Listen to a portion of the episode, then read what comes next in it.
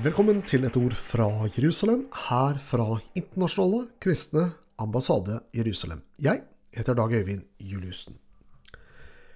Bistandsorganisasjonen KFUK, KFUM Global, har hengt opp plakater i Oslo og Bergen sentrum med budskap om å styre unna julegaver fra Israel.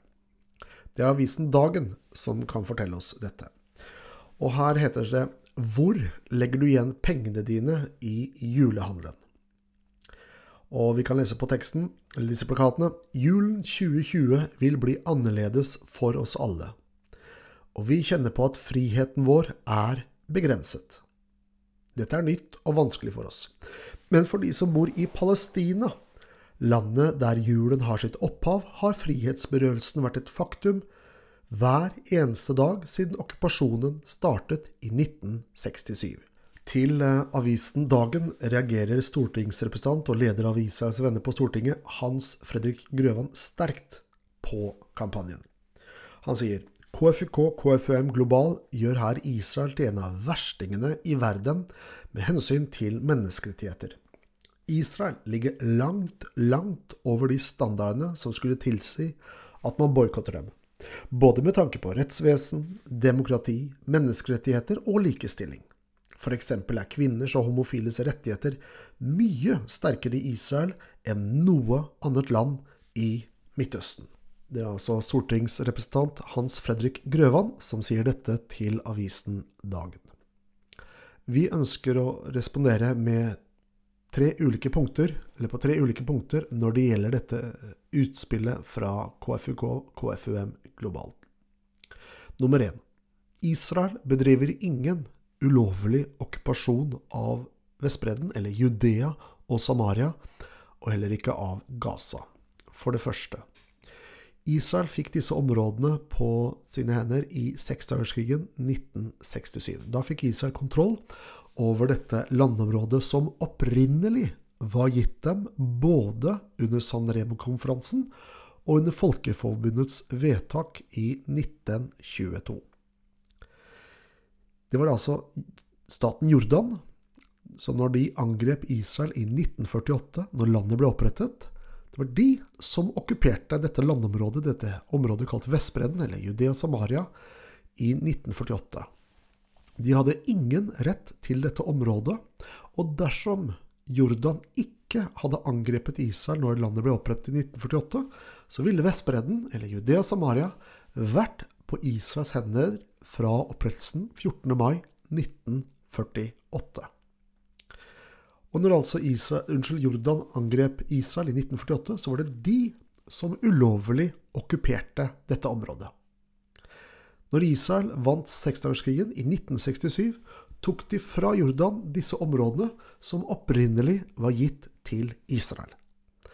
Derfor blir det helt meningsløst å anklage Israel for en ulovlig okkupasjon av Vestbredden, eller som jeg sier, Judea og Samaria. For det er dette som er de historiske navnene på dette området.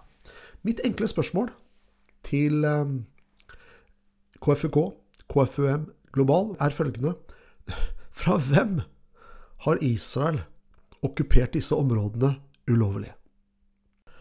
Mitt neste punkt i responsen til KFUK KFUM global, det er Ifølge IHRA, som står for International Holocaust Remembrance Alliance, som Norge er en del av, så er dobbeltstandard, eller, dobbeltmoralsk behandling av Israel, et uttrykk for antisemittisme. Og det er jo nettopp dette KFUK, KFUN, uttrykker når det er kun Israel de kjører kampanje for boikott av. Det finnes en lang rekke stater som notorisk bryter menneskerettigheter osv. osv. Men hvorfor er det bare Israel man går inn for boikott av? Og ifølge IHRA så er den type opptreden, at man singler Israel ut og opererer med en dobbeltstandard, et uttrykk for nettopp antisemittisme.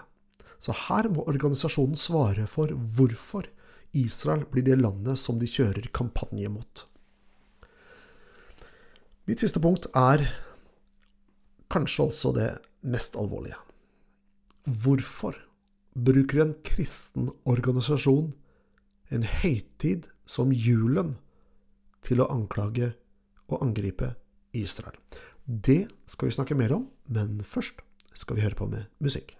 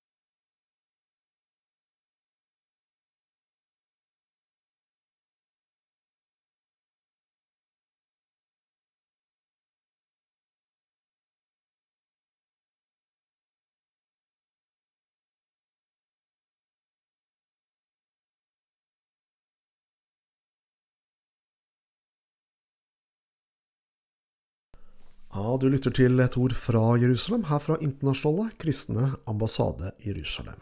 I dagens sending så tar vi opp problemstillingen ved at KFUK, KFUM Global, går inn for juleboikott av Israel.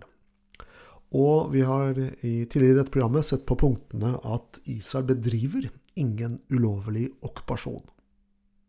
I tillegg så har vi også løftet fram det moment at det å behandle Israel med en annen standard uh, som man behandler andre nasjoner med, det er per definisjon antisemittisk.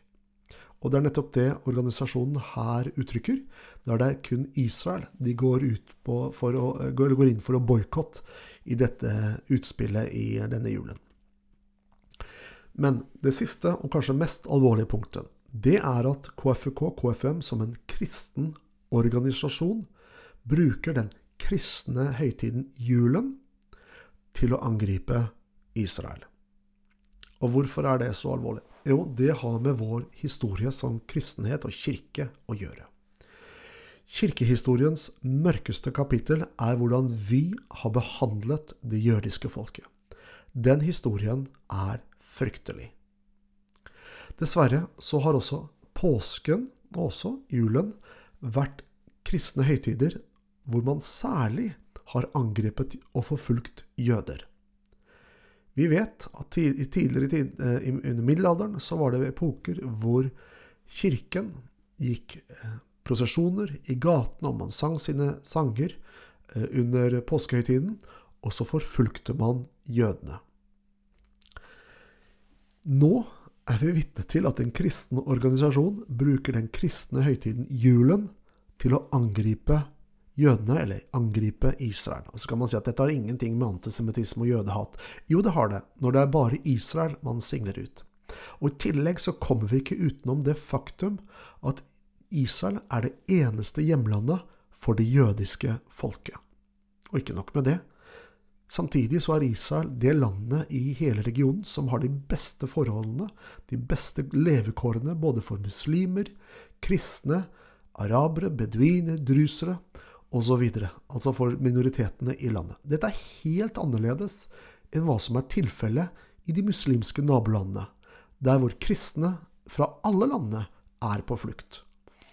Israel derimot er det eneste landet i regionen hvor kristne ikke er på flukt fra landområdet. Ikke som en kristen majoritet, men som en kristen minoritet blant en jødisk befolkning. Hvorfor velger ikke stedet KFUK KFUM å heie på Israel, som har gitt sine kristne innbyggere levekår de dessverre bare kan drømme om i de, arabiske, de arabiske nabolandene i Midtøsten? Men sånn er det altså ikke. Man velger nettopp julen til å angripe hjemlandet for det jødiske folket. Og det er en veldig, ikke bare trist, men en fryktelig opptreden av en kristen organisasjon i våre dager.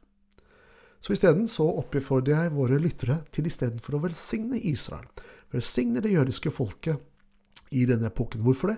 Jo, nettopp fordi at Jesus som ble født Hvor ble han født? Han ble født i Betlehem, og det var ikke en stat i Palestina.